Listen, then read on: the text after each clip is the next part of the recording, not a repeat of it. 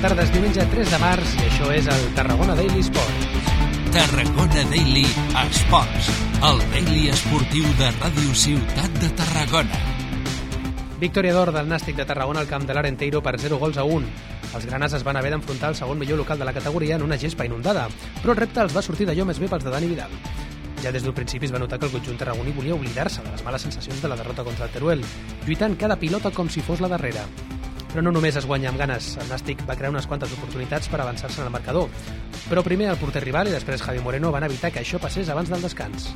No va ser fins a minut 50 quan Marc Fernández, un dels més actius del planter grana, signava l'únic gol del partit pràcticament a boca de canó. Després del gol, ja tenent les circumstàncies del terreny de joc, els granars es van conjurar per defensar el resultat i sortir al contraatac per a sentenciar el duel. No va ser gens fàcil, ja que l'Arenteiro va apretar per a mantenir la seva bona ratxa com a local. Fins i tot Borja Martínez va haver de treure una pilota sota pals.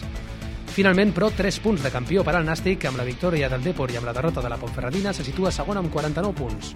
La setmana vinent viurem un xoc clau, ja que el club tarragonès disputarà el lideratge al nou estadi contra el Deportivo de la Corunya. Ho farà diumenge a les 12 del migdia amb unes quantes absències, entre elles la de Dani Vidal, que va ser expulsat per protestar. I curiosament el tècnic del conjunt gallec, Imanoli Díaz, tampoc podrà estar a la banqueta la setmana vinent. I a tercera federació, la Pobla de Mafumet s'havia de veure les cares avui amb la Unió Esportiva Tona, però el maig s'ha ajornat a causa d'una nevada. Els Adolfo Baines volien tornar a guanyar després de quatre jornades sense fer-ho. A hores d'ara se situen dotzens amb 27 punts, 6 menys que l'equip que marca el play-off. Una victòria del conjunt poletal els hauria allunyat de la zona de descens, que actualment està a 3 punts, i alhora els aproparia una miqueta més a la part noble de la classificació. Dissabte vinent, a les 5 de la tarda, la Pobla rebrà el filial del Girona, un dels seus rivals directes per la permanència.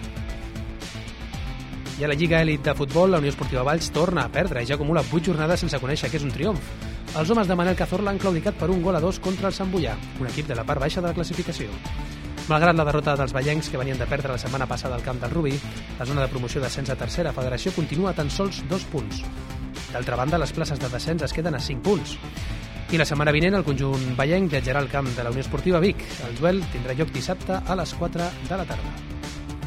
Tarragona Daily Esports, el daily esportiu de Ràdio Ciutat de Tarragona. Passem a bàsquet. El CBT va caure ahir al pavelló de la Unió Esportiva Mataró per 75 a 66.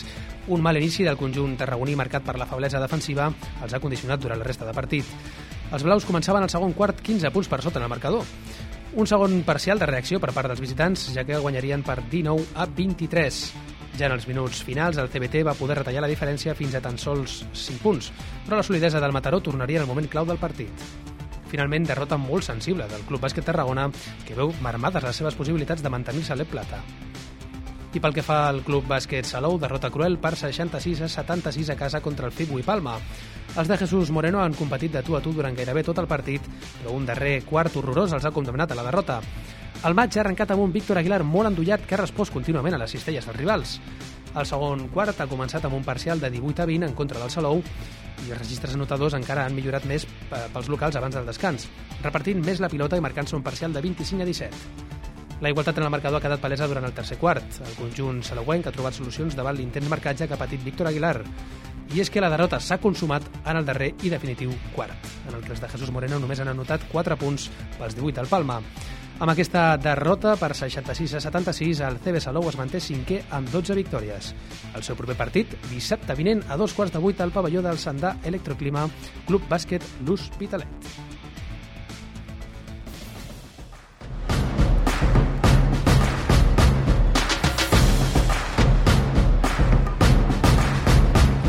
Anem amb els resultats. En futbol, el Nàstic recupera momentàniament el lideratge amb un triomf per 0-1 contra l'Arenteiro, un lideratge que ja ha volat perquè el Depor ha guanyat.